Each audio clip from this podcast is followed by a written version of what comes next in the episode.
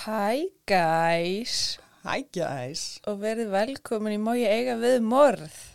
Hei Hvernig var Vestló? Nei, hvernig var vesla hjá þér? Nei, já, já, hvernig var vesla hjá þér? Hjá mér? Já, Bara dásamleg Ég fór á þjóðatíð Fyrst skipti uh, Mamma, pappi og amma og afi fór alltaf heim á miðnætti Þannig að ég var alltaf einn sittandi í brekkunni eitthvað, Nei. Hvar var amma þín? Hún er orðin alltaf gömul í þetta Já, já. Já, ég náði ekkert að draga hana með En hún var alltaf horfin líka Ha, var hann alltaf horfin? Já, hún er bara þannig. Og þannig að ég satt á förstu deginum einn í svona einn og hálfan tíma örgla í brekkunni bara að syngja með. Næs.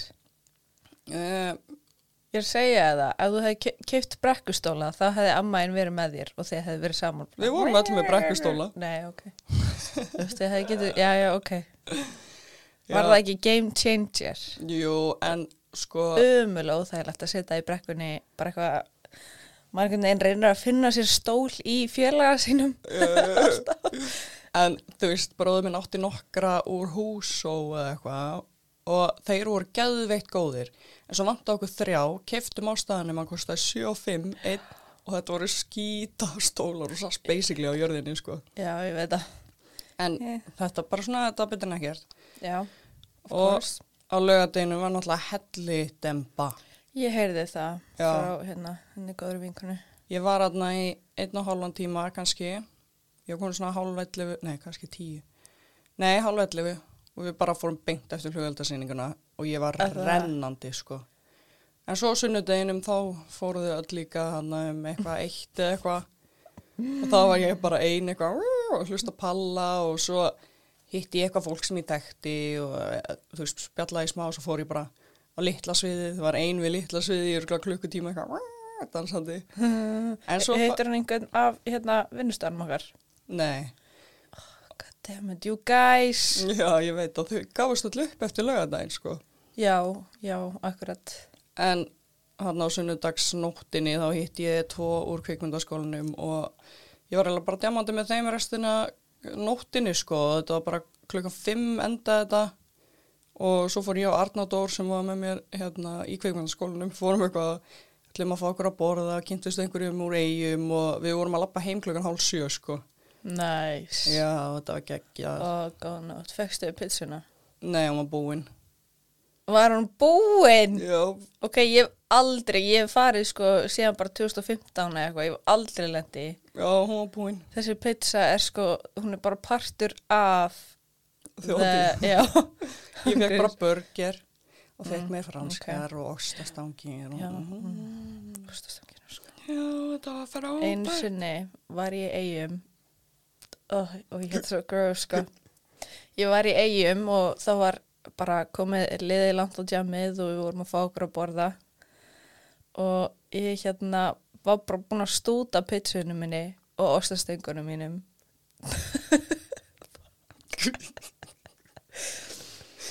Og nei, nei, nei, þetta er verra sko og ég lít svona til hliðar og þá eru bara svona fullt af svona bökkum af, þú veist, það sem að fólk er búið að vera að borða. Og ég sé bakka af ostastöngum sem er ósnertur sem í og ég tek hann og borða. Ég var náttúrulega bara eitthvað, ég veit aldrei gera þetta eitthvað, þú veist, ef ég væri bara full FM en þarna var ég bara eitthvað æ, fucking mér það langar í meira Já, þú veist, það var alveg búið að borða eitthvað af ástastökunum, sko en bara það lítur svo vel út að ég var bara eitthvað æ, fuck it Love it. já Enjoying life to the fullest. mm -hmm. það var gott kvöld, sko Já. Mm. Þú fórst ekki til eiga. Nei, ég var bara að njóta mín hérna í bænum, Jú, jú. hlusta á köld og Á gera þætti. Hlusta á köld þætti, bara. Já, já. Já, Það var endislegt, já, mjög einmanna. Mér leið bara svo ég væri eini heiminum. já, þú ert náttúrulega með FOMO. ég, já, ég var að störtlast úr FOMO Mm. bara alla dagana, ég var bara þú veist, ég mætti vinnuna og ég bara þurfti bara að hérna vera í þú veist, ég tók uppáhalds kósifötu mín með, ég keipti uppáhalds mati minn, ég tók með svona sheet mask bara allt svona eitthvað til að láta mig líða betra, að því ég var svo fokki miklum bömmir, sko, ég var bara uh, svo var kveikt á, þú veist brekkunni alltaf þegar ég mætti og ég bara satt og horfði á það og bara já, hann er allir þú veist, það voru allir að gera eitthvað líka þeir sem að voru í bænum bara, Mhm. já, við ætlum að inni púkan og við ætlum að hittast og spila og ég var bara uh, já, já ég, ég var ein hérna En þú fórst eitt kvöldi með Örnu, Danny og Peter. Já, en það var líka bara geðveikt mikil böðmer því að þau voru öll bara eitthvað hérna bara, þú veist, í gett góðum gýr, ætla að fara að kíkja á, þú veist, innipúkan og og ég hefði þurft að fara, þú veist, ég þurft að fara gett snemma. Þannig að þau voru öll bara eitthvað, "Wú", eitthvað, geðgum gýr og ég bara eitthvað, heyrði, ok, bye, Oh. þurft að fara að vinna. Ég bara, uh, fucking boring, sko, já. Og þá mætti ég líka bara eitthvað með skeifu í vinnuna, bara, bye. En mér leið ógæðislega vel á mánudeginum. Þá var ég pínu svona, hm, hm, nú eru þið með fóma að hafa verið ekki í bænum. hvað var það? Bara það var næst dagur hjá mér, skilur, þetta er allt svo erfiði dagur. Já, Komið fara úr heim. eiginni, Mm hræðilegt, sko. Já, það var, það var allir grjótunni, sko. Já, hvernig tókst þú bátinn? Eitt. Úff, Ég svaði svona fjóra tíma eða eitthvað. og ég bara, En ég svaði 16 í nóttuna. noise. Ég var nýtt upp. Ok, cozy. Og ég sofi svona, ég held ég hafi sofið í svona sex tíma. í Núna? Já. Ég hafði með eftir nættvaktinar. Já, Það var svo erfitt að koma fram úr, ég var bara, ég veit það. Það er pain, sko. Og ég er ofta að vinna bara eitthvað tvær nættu eftir og svo frí þrjá daga eða eitthvað. Það er svo erfitt að snúsa við, sko. rosa erfitt. Nættvaktir eru bara, ég veit ekki, verkfæri djöfulsins. Nei, eru alltaf leið. Já. En hérna, rétt árunum fyrir mig málið, þá Mhm. langar mig rosa mikið að tala um hérna einn kall. Hvað er kall? Hann heitir Ian Watkins, nei, vá, heitir hann það? Ian Watkins, hann var söngvar í Lost Prophets, Mm. var dæmdur í fangelsi fyrir gróft barnanýð einhvern tímann fyrir einhverjum árum Já. og hann var stungin að þrejum samfengum sínum í fangelsi og er núna á spítala. Ég sá fréttina. Já, hann hérna, hann hafði verið bara að fá aðdændur til að brjóta gegn eigin börnum og var að segja ef þú tilherir mér þá tilherir þitt líka mér. Bara svona ógæðislegu gæi. Ói, barasta. Já, hann var stungin í fangelsi. Já, það- karma. Já, já.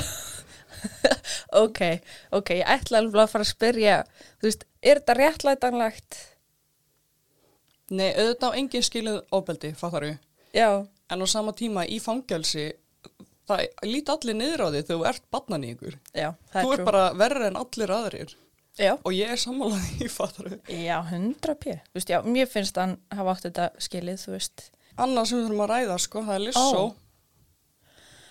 Ok, já, let's do it. Já, bara stutt. Já, Sjorti, ég gæti grátið mér í svefni yfir þessu. Ég er svo disappointed.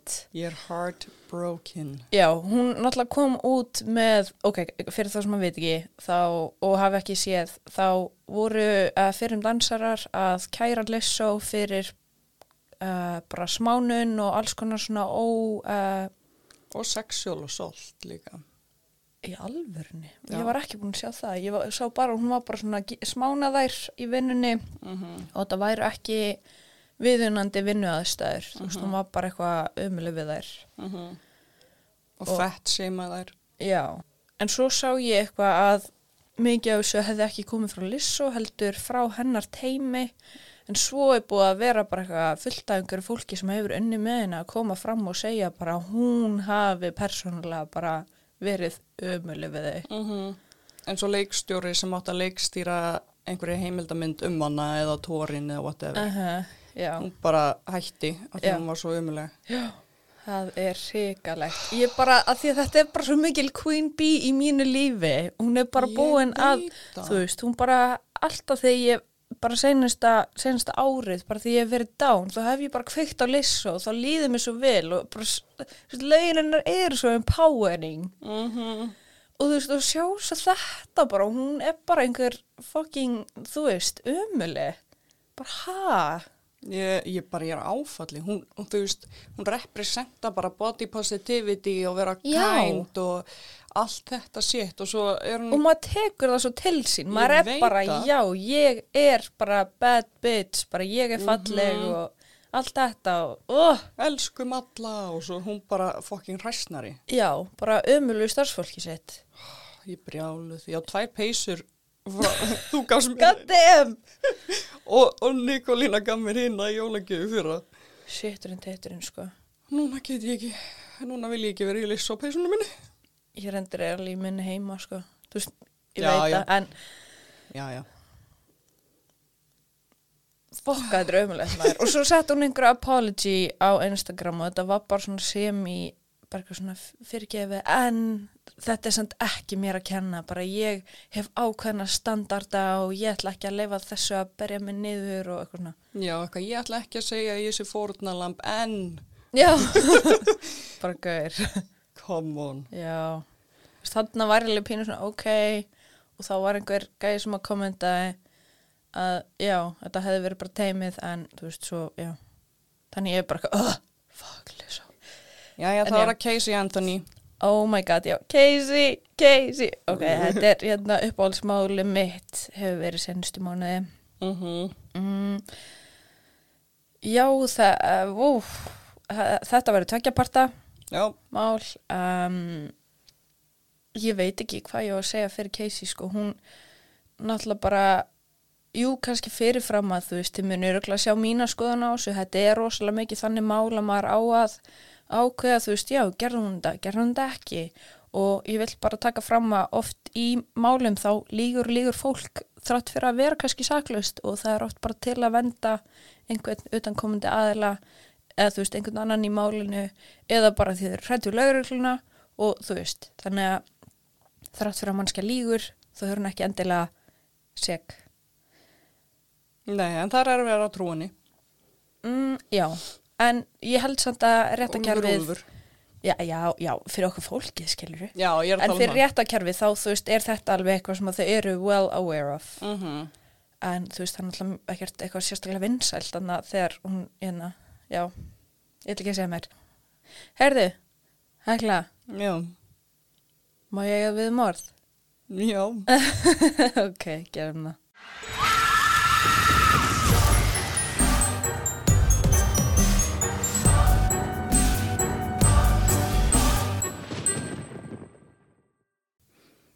Kvöldi 15. júni árið 2008 berst lögreglun síntal frá Cindy Anthony konu sem að tilkynni þeim að dóttirinnar hafi rænt bílnum sínum og hún vilji leggja fram kæru og hvort einhver geti komið að handtakana.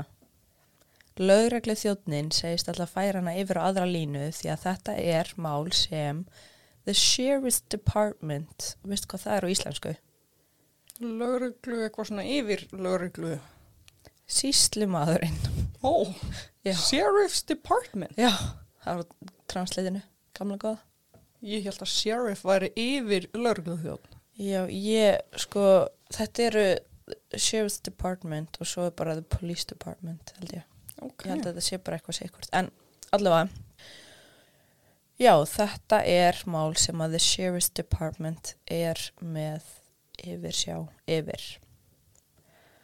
Og þau þurfa að sjá um þetta. Og þegar hún er að býða eftir símtalinu Mm þá er þetta, fatta, þau ætla að færa hana yfir, Já, hún er að býða. hún er að byggð. Já, hún er að tala við mannskja á bakvið sig og segir það næsta sem ég ger er að ringja í badnadótið sem er badnavendanemt og við fáum dómsúrskur til að fá hana. Ef þú vill leika þann leik þá gerum við það. Og þú mynd aldrei og svo heyrist í bakgrunninum mannskjan svarar henni sem er Casey Anthony, Ok. dóttir hennar gefðu mér eitt dæfið bót og hún svarar nei, ég er búin að gefa þær heilan mánuð og hún er, sko, hún er svona mjög pyrruð Mhm. Hún fær samband við línuna og heldur áfram að tilkynna þjófnaðin. Hún, nefndi, hún nefnir í símtalinu á dótturina Casey hafi verið saknað í mánuð og einni badnabann hennar, Kaylee. Í símtalinu hljómar hún mjög annoyed og bara rosa mikið bara svona í nennisuruglugi ég er búinn. Neiðalínu starfsmæðurinn segist ætla að senda lauruglu þjón eða deputy, síslumann, til þeirra um leið hún getur. En nokkrum tímum síðar ringir hún á neyðalínuna aftur og hérna er símtalið. 911, what's your emergency? I found out my granddaughter has been taken. She has been missing for a month. Her, her mother finally admitted that she's been missing. Okay, what- what is- Someone here now. Okay, what is the address that you're calling from? We're talking about a three-year-old little girl. Oh, my daughter finally admitted that the baby's in the store. I need to find her. Your daughter admitted that your the baby is where? But the babysitter took her a month ago that, that my daughter's been looking for. I told you my daughter was missing for a month. I just found her today, but I can't find my granddaughter. And She just admitted to me that she's been trying to find her herself. There's something wrong. I found my daughter's car today, and it smells like there's been a dead body in the damn car. Okay, what is the three-year-old's name? Kaylee. Is your daughter there? Yes. Do you mind if I speak with her? Thank you. Hey, downstairs. They want to talk to you. Answer the question. Hello? Hello. Yes. Hi. What can you can you tell me what's going on a little bit? I'm sorry? Can you tell me a little bit what's going on? My daughter's been missing for the last 31 days. And you know who has her? I know who has her. I've tried to contact her. I actually received a phone call today now from a number that is no longer in service. I did get to speak to my daughter for about a moment, about a minute. Okay. And you last saw her a month ago? 31 days. It's been 31 days. Who has her? Do you have, do you have a name? Her name is Zenaida Fernandez Gonzalez. Ef þetta var ekki alveg nóg skýrt, þá var þetta hún Cindy Anthony, amman, að ringja í neyðarlínuna í trillingskasti. Hún segir að dóttirinn hafi loksins viðkent að dóttirinn, eh, að ömmu dóttirinni hefði verið rænt. Hún fann bílinn hennar í dag eftir að hann var týndur og það, það hérna líktaði like a damn body in there. Dead body, já. Smelled like a dead body was in there. Ok, já. Ég ég held að þetta væri like a damn body. En já, like a dead body, er það klár? já, dead body. Og lauraglan kemur á vettfang. Dóttirinn Casey sem að mamma Kaylee er tekin inn og segir lauruglan að hún hafi skilið Kaylee eftir hjá barnabíunni sinni Zenaida Fernandez González. Hún hitti hana í gegnum vinnufélagan Jeffrey Michael Hopkins. Henni vantaði barnapíu meðan hún væri að vinna í vinnunni sinni Universal vegna þess að hún væri einstæð móðir. Engin vissi hver pappennar Keiljar var. En hún á svona bónuspappa sem að heiti Jesse Grant og er fyrirverandi hennar Casey en hann var ekkert eitthvað að hugsa um hana Nei. þannig séð eins og pappi gerir. Og þau voru hætt saman. Já, það var fyrirverandi hennar. En vegna þess að hún var einstæð og vissi ekki hvað hún geti gert, þá hafið Jeff bóðið henni að sér nætt að myndi passa Kaylee og krakkan hans Zachary meðan þau færu í vinnuna. Þar sem að þau voru á sama aldri. Og hún samþykti það. How long had you known Zenaida? almost four years. It'll be four years Christmas this year. And where did you meet her? Who did you meet her through? A mutual friend, his name is Jeffrey Michael Hopkins. Um, I met him at Nickelodeon Universal, and I met her through him. She was his son's nanny at the time. Does Jeffrey still work at uh, Universal? No, he does not. How long has it been since he left? About nine, ten months, give or take. He moved back to Jacksonville? He moved up to North Carolina for a short time and moved down to Jacksonville within the last three months, When was the last time you spoke with him? About a week and a half ago. Okay. Do you know a telephone number for him? I can find a number for him. I don't know a number offhand. No, I do not.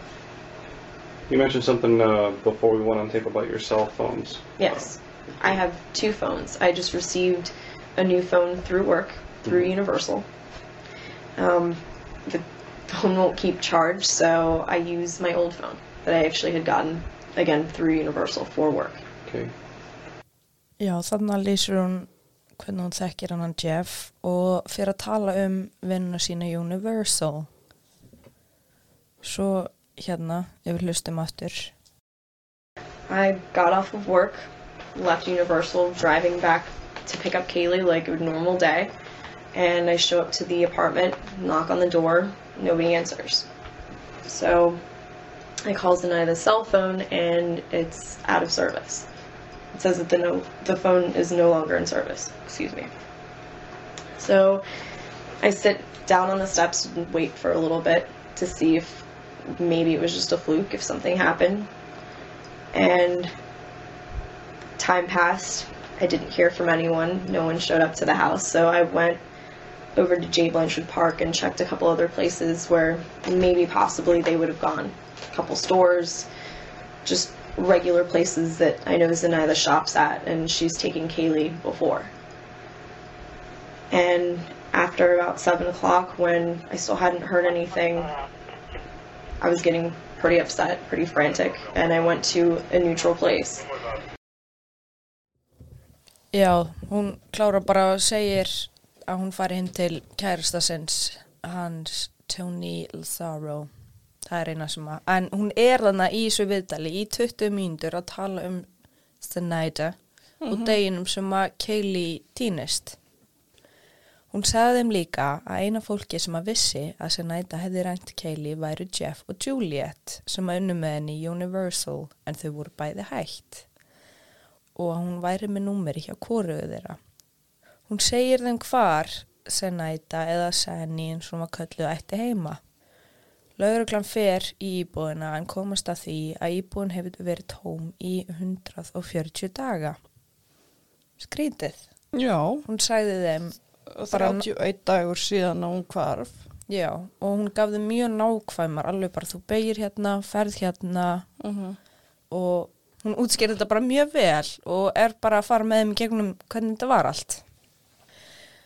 Þeir fara með Casey upp í Universal Studios þar sem hún sagðist vinna en þegar hún reynir að skrá sig inn hjá dyraverðinum kannast hann ekkert við hana og segir henni að hún sé ekki til í kerfinu.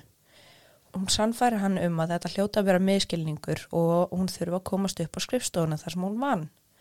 Hann eða yfirmaður á svæðinu hleypir henni inn að því að hún var farin að vera svolítið svona uneasy Mm og það er bæði til að hann þessi, Öryggisvörður. takk fyrir. Öryggisvörðurinn eða veist, það er bara annarkort eða. Ég veit ekki hvort, get ekki staðfesta. Þessi mannskja hleypir henni á rannsóknar lögreglumönnum inn á skrifstofunar hún heilsar fólki og veifar og fólki Þetta er svo gott mál. Já. þú veist, sorglegt, en ég veit það og enginn þekkir hana. Nei, um, já, surprise, fólkið veifaði samt tilbaka. Það var frekar ringlað en allir svona, svona, erum með svona skrítin svip en veifaði samt og heilsa henni tilbaka og hún bara lappar um alla bygginguna með þá, gerandi þetta. Þangað til að hún gata ekki lappa lengra af því að þau voru komin á einhvern hérna gang sem að var bara ekki hægt að fara lengra. Mm Þá snýr hún sér við og viðurkennir að hún vinnur ekki hjá Universal og það, og að það sé lígi sem hún hafi verið að segja við mömmu sín og pappa senstu tvö árin eftir að henni var sagt upp. Ok, mjög awkward að vera gripin í svona hallaðri lígi. Ég myndi skammast mín niður í tær. Já, líka bara allir eitthvað vinga tilbaka. Ég Já. myndi örgulega gera þetta sjálf, sko. Ef einhver sem að ég þekki gera vinga mér, þá Já. er ég eitthvað, uh, Já, þetta, þetta er bara svona einhver meðverkni. Eitthvað Já. svona, já, hei, ég vil ekki móðgana. Mhm. En þetta er líka bara svo vandralt að hún er búin að vera þarna í bara la- góðan tíma. Lappum alla bygginguna með þeim. Og svo þarf hann að viðkjanna það að hún vinn ekki einu sinna þarna og hún hafi verið að ljúga því að mamma og pappi. Flestir myndu bara þvílíkt skammast sín og svitna yfir þessu. Ég veit að ég myndi bara eitthvað, fuck, this is embarrassing. En hún hló bara og hristið af sér og hjælt áfram með daginn. Já, já. I don't wanna care. Málið með vexti var að hún hafði ekki verið að vinna á skrifstofunni í Universal, heldur var hún atvinnulegs. Hún vann þarna í einhver tíma, bara í myndabás við að selja myndir sem voru teknar í garðinum. Hann var sagt upp einhverjum tveim árum áður vegna þess að fyrirtæki Kodak sem að seldi myndinar var ekki lengur með samning við garðin. Hún hafði farið í fæðingarólof þegar hún átti Kaylee og ekki farið aftur í Universal eftir það. Og Kaylee var tveggja ára og tíu mánuða. Mm Þannig að hún hafði í einhver tíma verið að segja við mömmu sín og pappa hún væri að vinna í Universal og var að taka Kaylee á daginn, þær fóru fram úr á lappir. Hún fyrir með Kaylee til, til hérna hennar Senni og fer svo að vinna. Það heldur mamman og pappin Já. það sem hún var í rauninni að gera var að fara með og ég mun örgulega nefna þetta aftur á eftir það sem hún var að gera var að hún fór hérna frá úr húsinu með hérna hana Kelly og þær fóru bara einhvert í bæinn að chilla allan daginn Já, reynda kósi. Það, ég, auðvitað, ég, ég, þú veist, mjög næs, en leðilegt að þurfa að halda upp þessar líi í svona langa tíma, hún er að vera þryggja ára græn. Getið aldrei.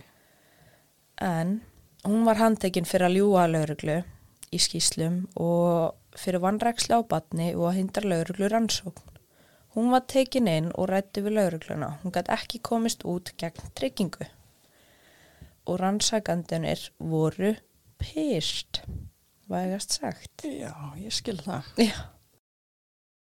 Uh, we're about halfway down that hill, three quarters down that hill, and it's a pretty big snowball, which means that there's a lot of stuff going on right now. And I can tell you, uh, just for a certainty, that everything you've told me so far has been a lie. I, I can tell you with, with a certainty, and, and let me explain why. Since I left you this morning, I've gone to every address that you've told me. I've looked up every name. I've talked to every person that you, you, you wanted me to talk to or tried to. Uh, I've reached out. I've talked to your ex-boyfriend. I've talked to Amy. Uh, I've talked to Tony. Um, I came over here. I've already talked to all the employees. I found out all these names that you're giving me are people that either never worked here or have been fired here for a long time ago. Okay, so where we are right now is in, in a position that doesn't look very good for you, and this is going to be your, your escape hatch, so to speak. Okay, this is going to be the point where you stop all the lies and you stop all, all the fibs and you tell us exactly what's going on. Uh, I'm just being you know being straight with you, because obviously I know and you know that everything you've told me is a lie. Correct? Not everything that I've told you. Okay, uh, pretty much everything that you've told me, including where Kaylee is right now. That I still, I don't know where she is. Sure you do. And here, I here's, absolutely listen, let do me, not let me, know where she let me, is. let me explain something. Together, combined experience in this room, we all have about 30 years of doing this. Mm. Okay, both myself and Sergeant uh, John Allen worked for the homicide division for several years. We, we've dealt with several people. We, we've, all, we've conducted well, thousands of interviews between the three of us. You know, Happy's got 20 years, so just between the three of us, we've got several years. And I can tell you for a certainty that right now, looking at you, I know that everything that you've told me is a lie, including the fact that, you know, your, your child was last seen about a month ago, and that you don't know where she is. See, I, I, I'm very confident, just by having talked to you this short period of time, that you know where she is. I don't. You, you, you do. This, this, this right now is just, this is going so far downhill, and this has become such a mess, hmm. that we need to end it. It's very simple, we just need to end it. I agree with you. I have no clue where she is. Sure you if do. I knew in any sense where she was, this wouldn't have happened at all. You you it know, wouldn't have happened listen, whatsoever. this, this stuff about, about Zanny, the, the, the caretaker or the, or the nanny taking care of It's him, the truth. it's not the truth, because it went to the apartment complex. There's no person that ever lived there by that name. The apartment's been vacant since March, that same apartment. Now, the apartment that you pointed out to me, the two-story apartment, that's an old folks' home. It's right across the street from your ex-boyfriend's house, who you never mentioned. And you said you wrote the address down because it was across the street. That's a lie, because I've already talked to him, and, you know, we've already been by the house, and we've already, you know, looked at everything we need to look at over there. Mm-hmm. Everything you told us is a lie.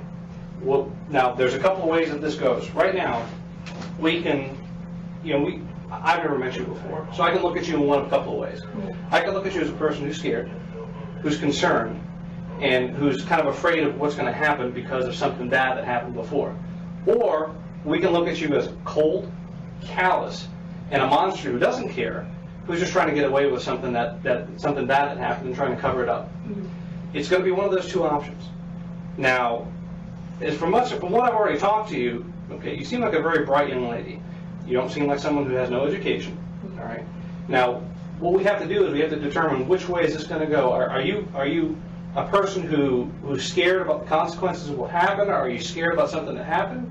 Or are you are you really this cold, callous person who doesn't care about what happened? It, it's one of these two options.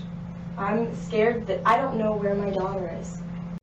Uh, Jesus.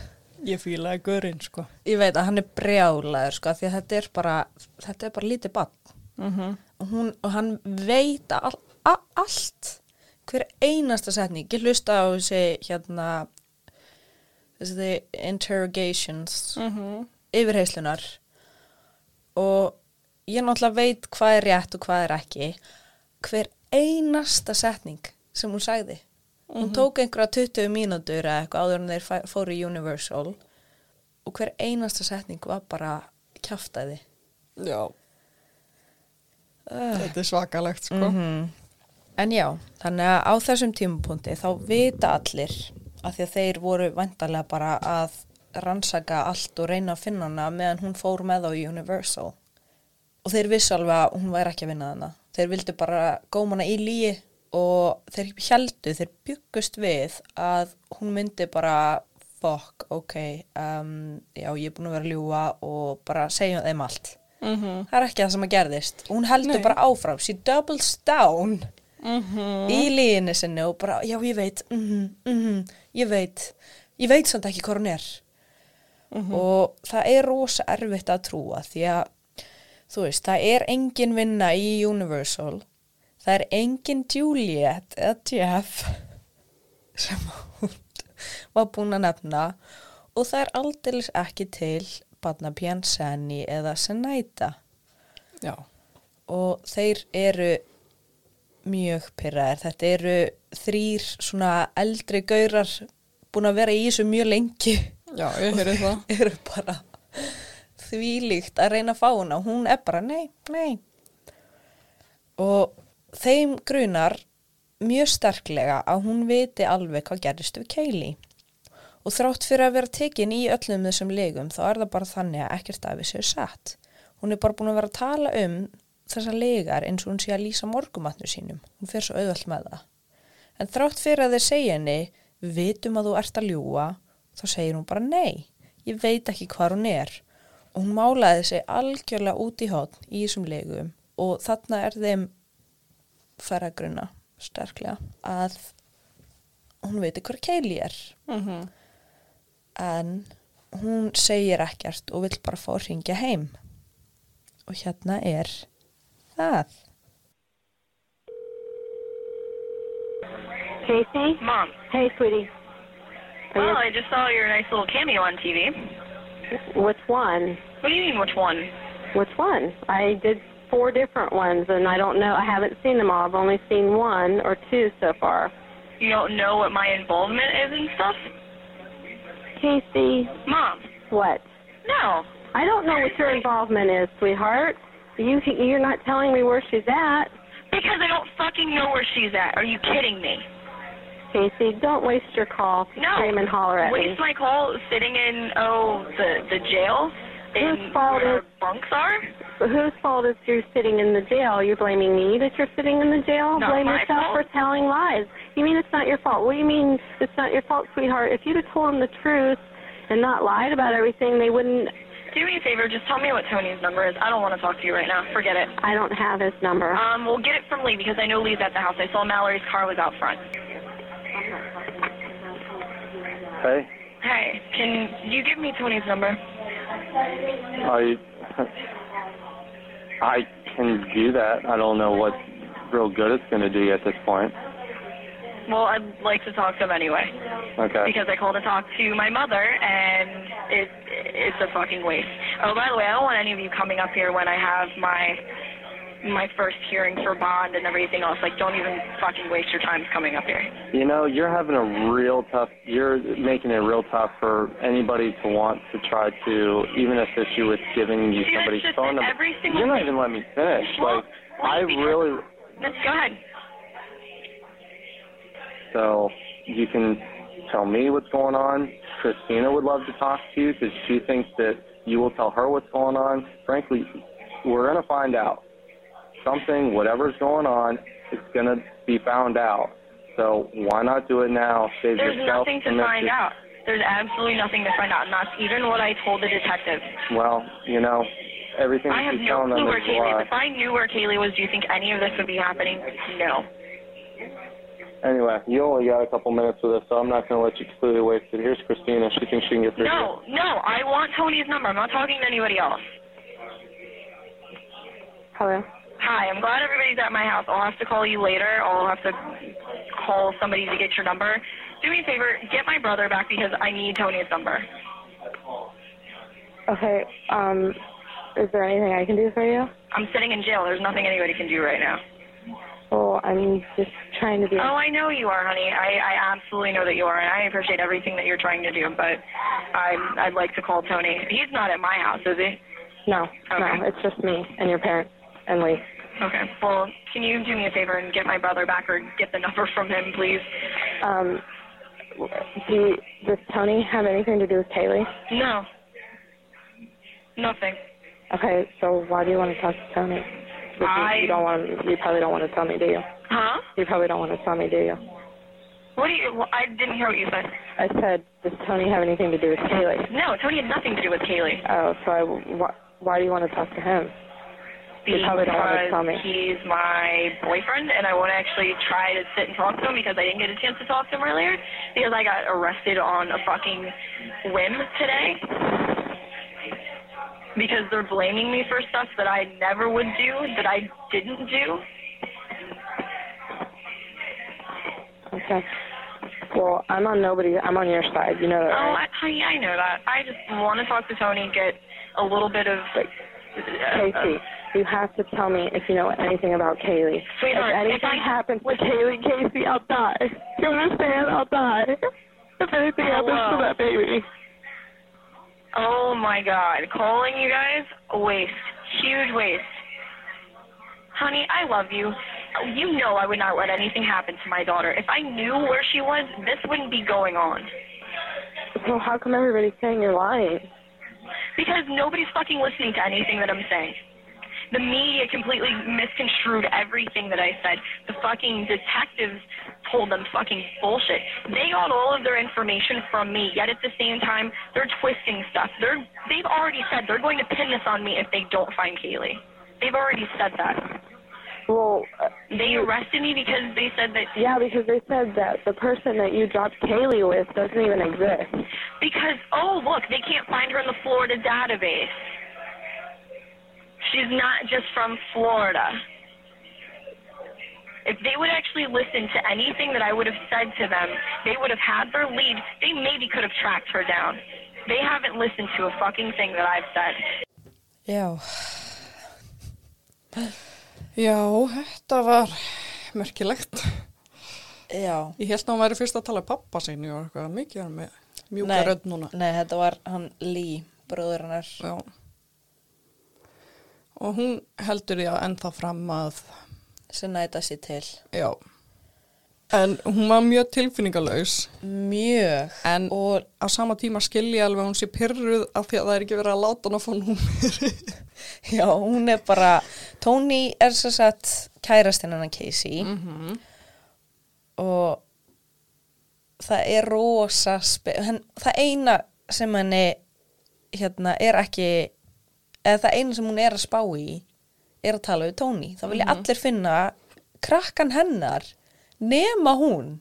Mhm. Hún vill bara tala við Tony og það sem að mér finnst líka mjög áhugavert er að Kristína frænganar hérna, hún spyr hana hvort að Tony hafi eitthvað hafi eitthvað haft að gera með Kaylee Mhm.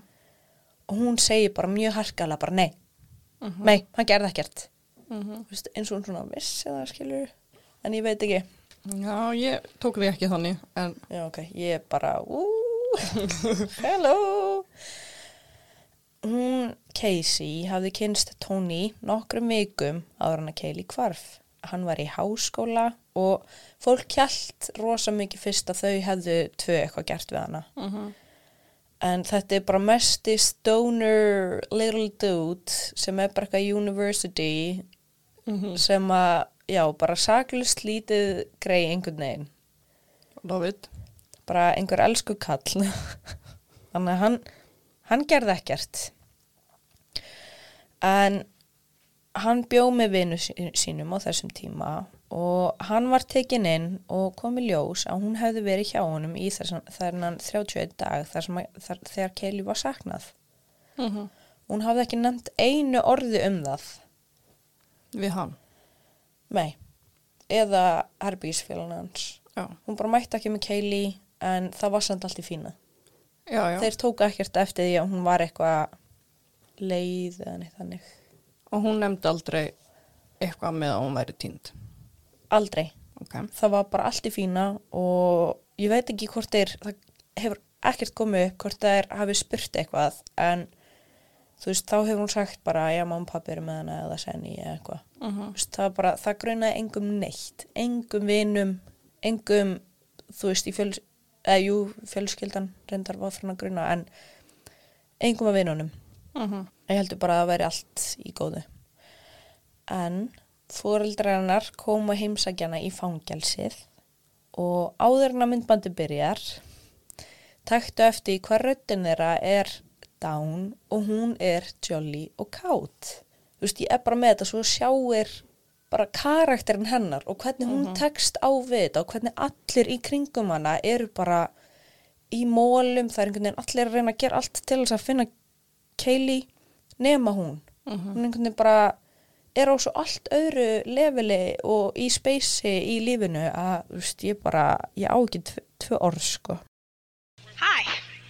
Sweetie, you can, we've been we've been watching you for so long. You haven't? I love you. I love you too. Hi. we've been seeing you sitting down. Oh, okay. Yeah, I was talking with one of the doctors. Are you okay? Yeah, I'm good. I just talked to Lee. I know. He told us. Yeah, we got cut off within our last minute, but we at least got a chance to cover a lot of stuff in our hour, so. It's good. Casey, you don't realize the whole United States is looking for our Kaylee.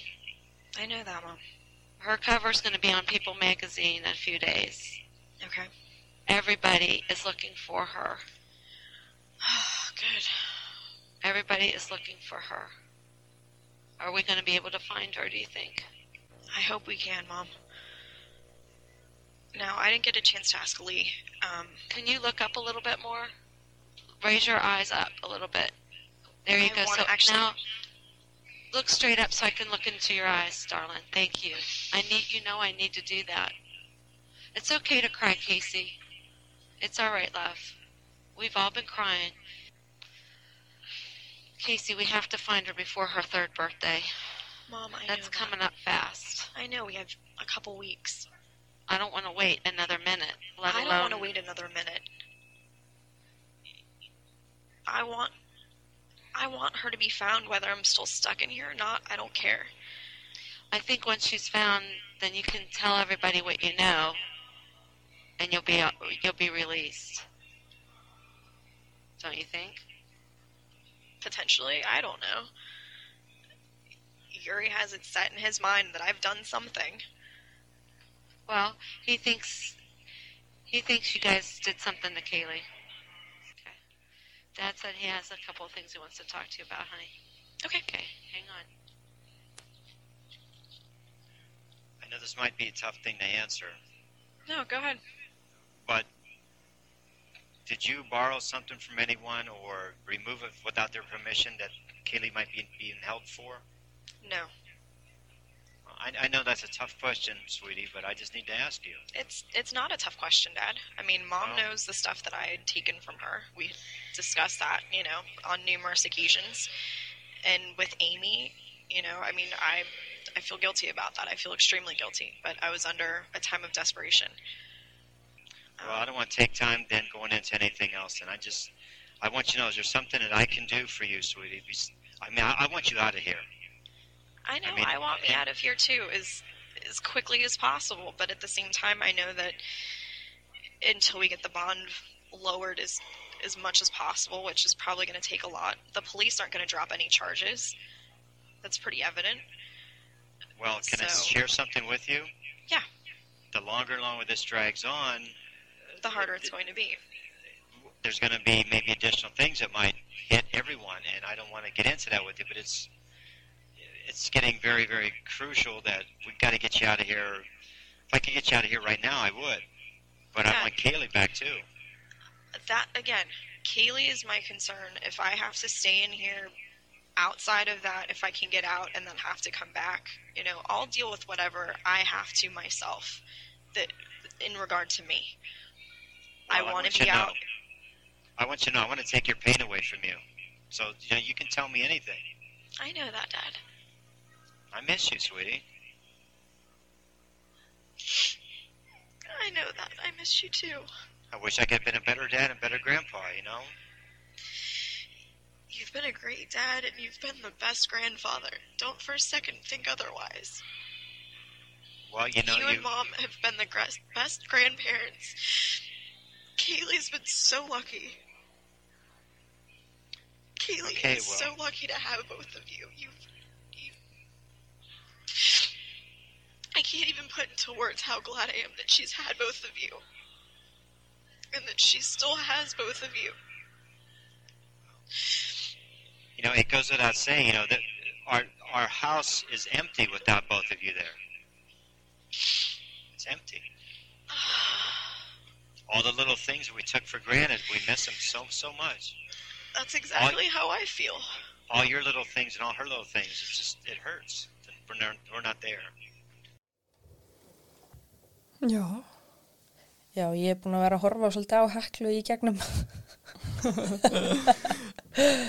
uh, í gegnum myndbandið en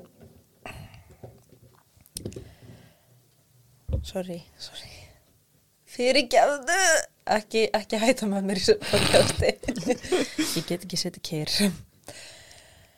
en já. Hversu augljóst er það að hún er að fela eitthvað mamma hennar segir henni að horfa í augun á sér og þegar, veist, þegar mamma segir þetta við barnið sitt, hvað þýðir það? Hún veit hún er að ljúa. Já. Hún veit eitthvað meira, sko. Mhm. En ég samt finna alveg fyrir sorg hjá henni, sko. Já, klálega. Mhm. Klálega. Mér finnst það samt aðalega að vera sorg uh, að hún get ekki verið með fóröldri sínum. Já, ég náttúrulega get ekki skilgreint sorg þannig, sko. Nei, nei, nei, en mér finnst að þegar þú tala um málið þá þá er hún rosalega bara svona já og svo hérna þessar upplýsingar og Senni og heldur áfram að tala um hana og hvað þrátt fyrir að þau vita þarna bara að Senni er ekki til og það er allir hann að tróða inn í hausina á henni hún, það vita allir að hún er ekki til en hún heldur samt bara áfram Mhm. En um leið og mammina segir horfðu upp, horfðu í augun á mér hún getur ekki að horta á hana Mhm. hún feður bara að gráta og alltaf þegar pappin þú veist, eins og þegar hann fór að segja bara, þú veist, ég vildi að ég hefði geta verið betri pappi, þá fyrir hann að gráta Mhm. þú varst svo frábær pappi og afi þú veist, þú varst svo og ert Mhm. en já, þau eru náttúrulega bara að feikta í að því að hún þurfi að segja satt svo þau finni Kaylee. Mhm. og hérna það kemur ekki í klippinni en hún fer líka alltaf þegar hún fer að tala um sig í þessar heimsókn bara já, ég er búin að vera að hitta sálfræðinga og svona, þá far þau alltaf að tala um Kaylee, bara hérna, en ok, en vissirðu hvar hérna hún? Og, og hún var alltaf svona pínu pyrruð bara ég sagði þetta á þessu svona reytir í þau. Og svo, æ, hérna, ég veit, ég veit, ég, hérna, ég veit að ég vilji bara finna hana, en hérna, já, ég var búin að, þannig að þetta er svolítið svona, þetta er mjög áhugavert. Þetta er það. Mjög áhugaverð heimsók. Mhm. En ok, tökum út að badnennar er tínt. Ég myndi hafa heilmikið að segja við mömmu og pappa ef ég myndi ekki hitta þau í heila viku og ég veit að þú myndi líka. Við erum svo miklu fóreldra krakkar. Já, heldur Mömmu og pappa stelpur. Yngstu börnin. Já, baby. En litla þryggjára badneðinar er búið að vera tínt í margar vikur og hún verður pyrruð að þau vilji freka tala um hana. Mér finnst það bara rosalega off. Mhm. Það er eitthvað að Mhm. hjá henni.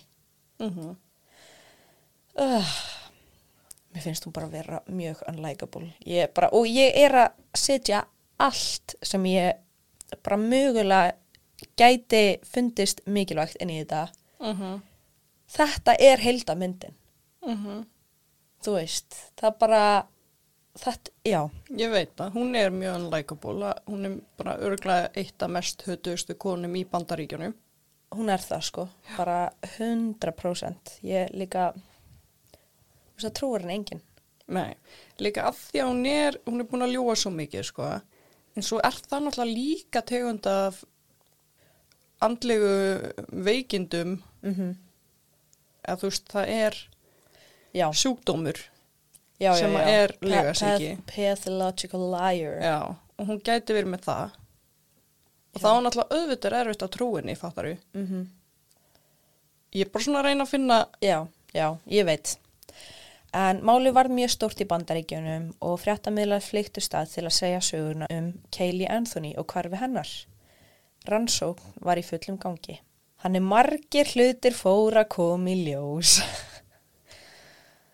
og meðal annars hvernig Casey hefði eitt þessum 31 dag. Hún hafði verið mest með Tony, kærastan sínum, og var að hjálpa honum að promóta klúpa og tók þátt í Hard Body Contest sem er einhver hot girl keppni á stað sem að Tony vann. Já. Er það bara að vera eitthvað að renka stelpur hverju heitust? Ég veit ekki. Þetta er bara eins og MySpace þarna. Það var alltaf hver er heitari og búið að setja mynda tveim stelpum. Oh my god, já. Fokking kjánalegt, sko. Ég veit það. Know. En já, hún fekk sér tattúið Balla Vita sem að er Beautiful Life. Ég veit ekki það. Sem er fallegt líf. Já. Fallega líf á ítölsku. Sem var alveg svona stórt aftan á öxlinu og herðablaðinu. Það eina sem hún talaði um meðan hún var í tímanum var giskaði. Í tímanum? Hvaða tíma? Tattu tímanum. Það erum klúbana. Nálegt. Hún talaði um Tony. Já. Hún talaði ekki um dóttu sína eða hún var horfin eða hún var eitthvað leið. Hún talaði bara um Tony og hvað hún var ástfangin á hannum. Mm. Hún rændi tjekkabók, veistu hvað ég er að tala um? Já. Ok, af vinkonu sinni og fór að vesla í Target og öðrum stöðum og þetta var besta vinkonunar þessum tíma. Mhm. Og hún hjekk mikið heima hjá Tony og hans herbyggisfélögum að reykja gras og njóta lífsins. Ég er að meina, ég ætla ekki að fara til þess að það en þegar bátna þetta týnd. Mhm. Get your shit together. Enginn hafði hitt Kaylee í þessar fimm vikur og eins og ég segi, fóreldranum var fyrir að gruna, vinunum ekki. Þegar fóreldranir ringdu þá kom hún alltaf með einhver ástu að okkur Kaylee gæti ekki tala í síman. Hún var hjá Senni, út að leika eða leggja sig. Fóreldranum þótti þetta heldur skrítið en byðu samt til 15. júli til að tilkynna þetta. Ég set smá spurningamerki við það. Já. En þú veist, svo verður maður náttúrulega bara að taka fólki á orðinu, fattar þú? Nefna þið vita að hún sé lega sjúk, hann náttúrulega að höfða átt að... Þau vita það sko. Já, fyrir þetta. Já, já, já. Hún er, þú veist, hún er að ræna af þeim Já. og þú veist, hún er alltaf eitthvað að stela af þeim og þú veist, Mhm. segja hitt og þetta og þau vita alveg hvernig hún er. En svo náttúrulega er þetta líka svo absurd að hugsa um það. Já. Þú veist að barnabarni eitt sé tínt, þannig að þau vilja kannski ekki trúa því að halda það, fattur þau, þeim dettur það örugglega bara ekki í hug. Ég veit að reyndar þá skrifaði, að því að það voru alltaf á MySpace á þessum tíma, þá skrifaði Cindy MySpace status. Amman? Amman, já. Og yfirskriftin er Kaylee is missing og current mood er distraught. Current mood. Já.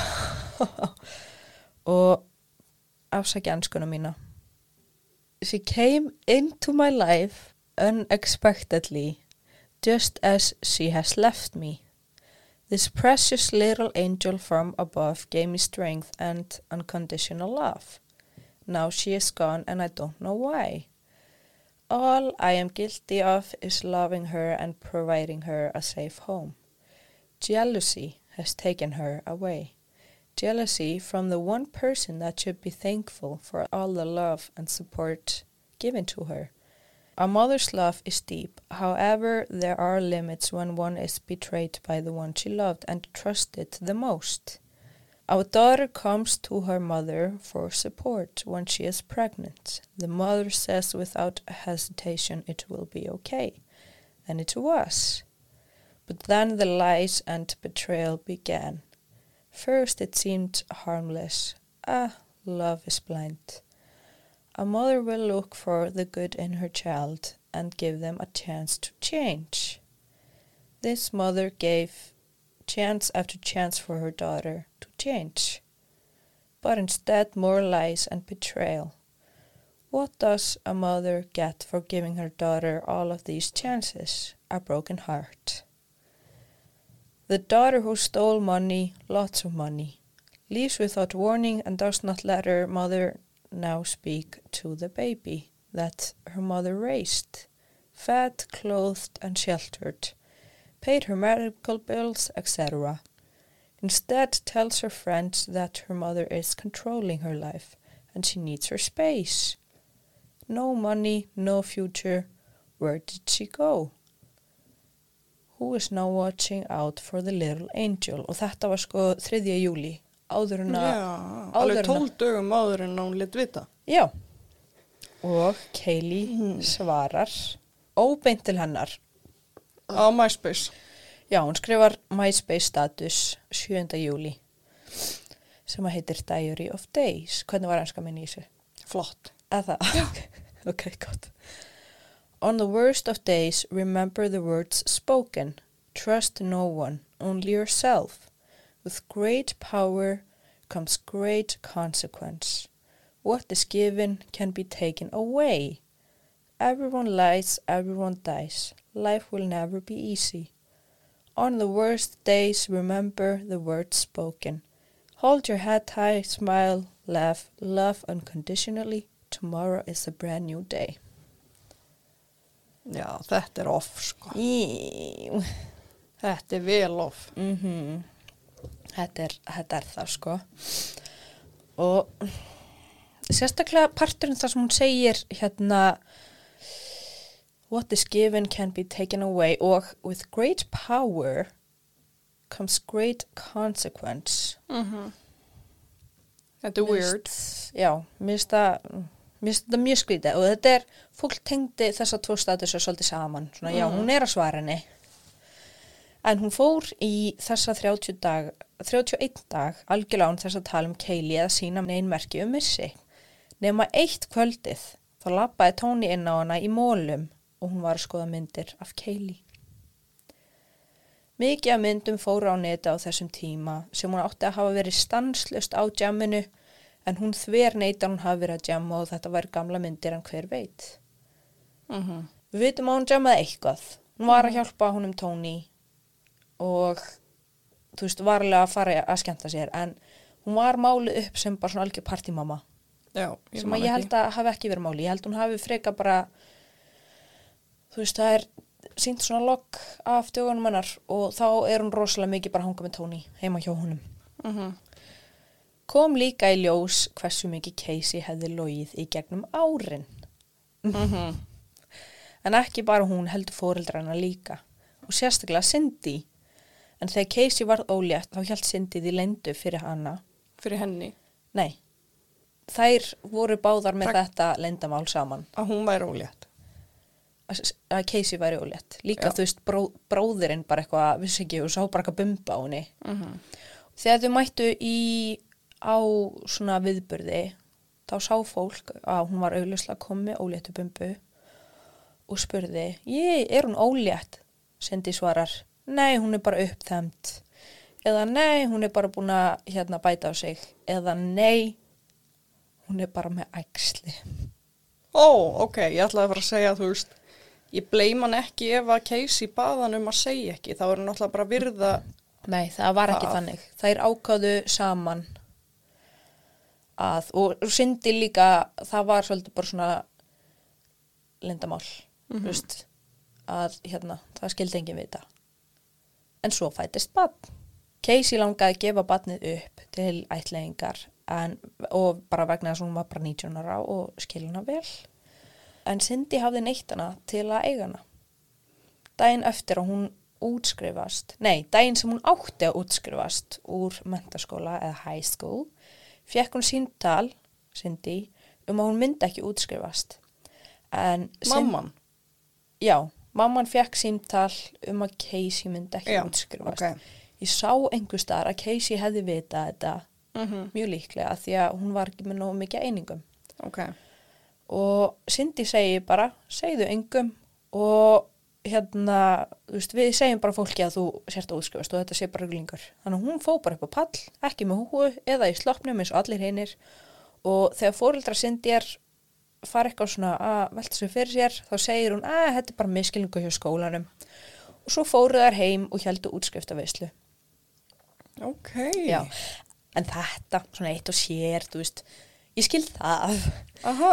Ma, já, þú veist, þetta með útskriftina, ég er að settu í þessi spór, þú ferð bara, þú ert búin að vera að plana bjó, búin að bjóða öllum vinum og fjölskyldu, svo ferðu bara samdægur símdal um að krakkiðin sé ekki að fara að útskrifast.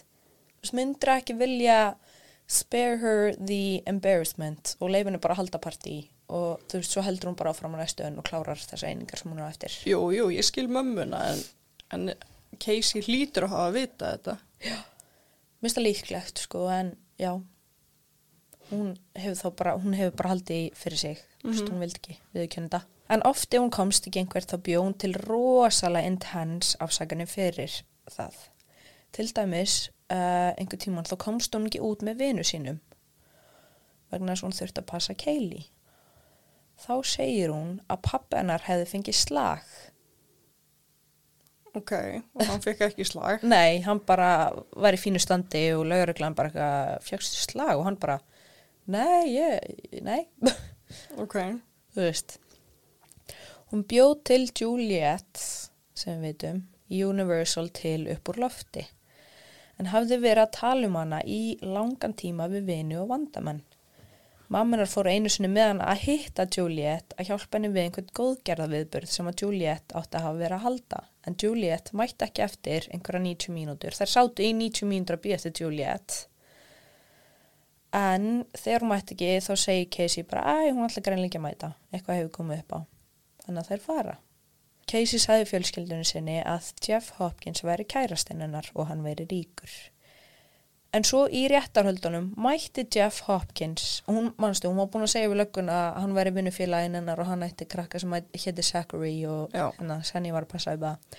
Hann mætir réttarhöldin og segir að hann hafi verið með henni í framhaldsskóla og reykist á hana einu sinna á bar og ekkert meira. Hann var ekki að vinna í Universal og átti ekki fucking krakka sem að hétt Zachary. Shit.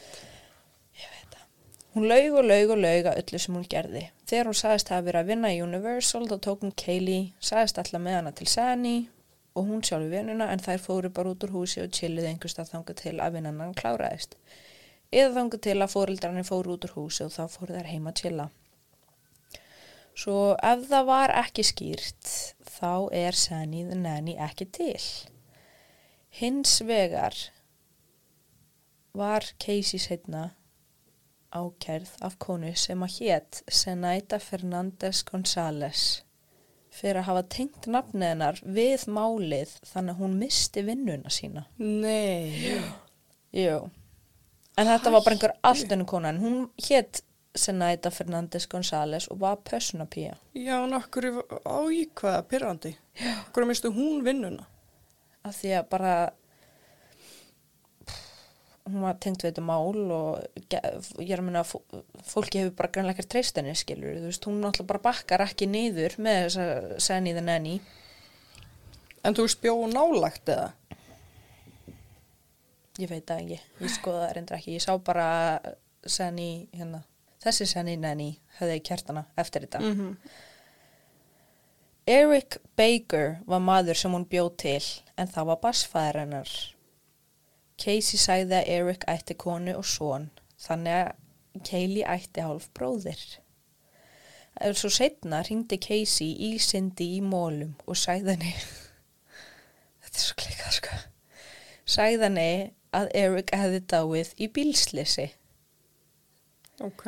En Eric Baker var bara spuni og var aldrei fundin. Og engin veit hver er pappinar uh, Kaylee. Og þú veist, líganir eru mun fleiri en þessar voru svona mest grassandi. Mhm. Heldur betur. Já, þetta er bara, þetta er, þetta er svo grilla dæmi, sko. Ég... Er þetta búið?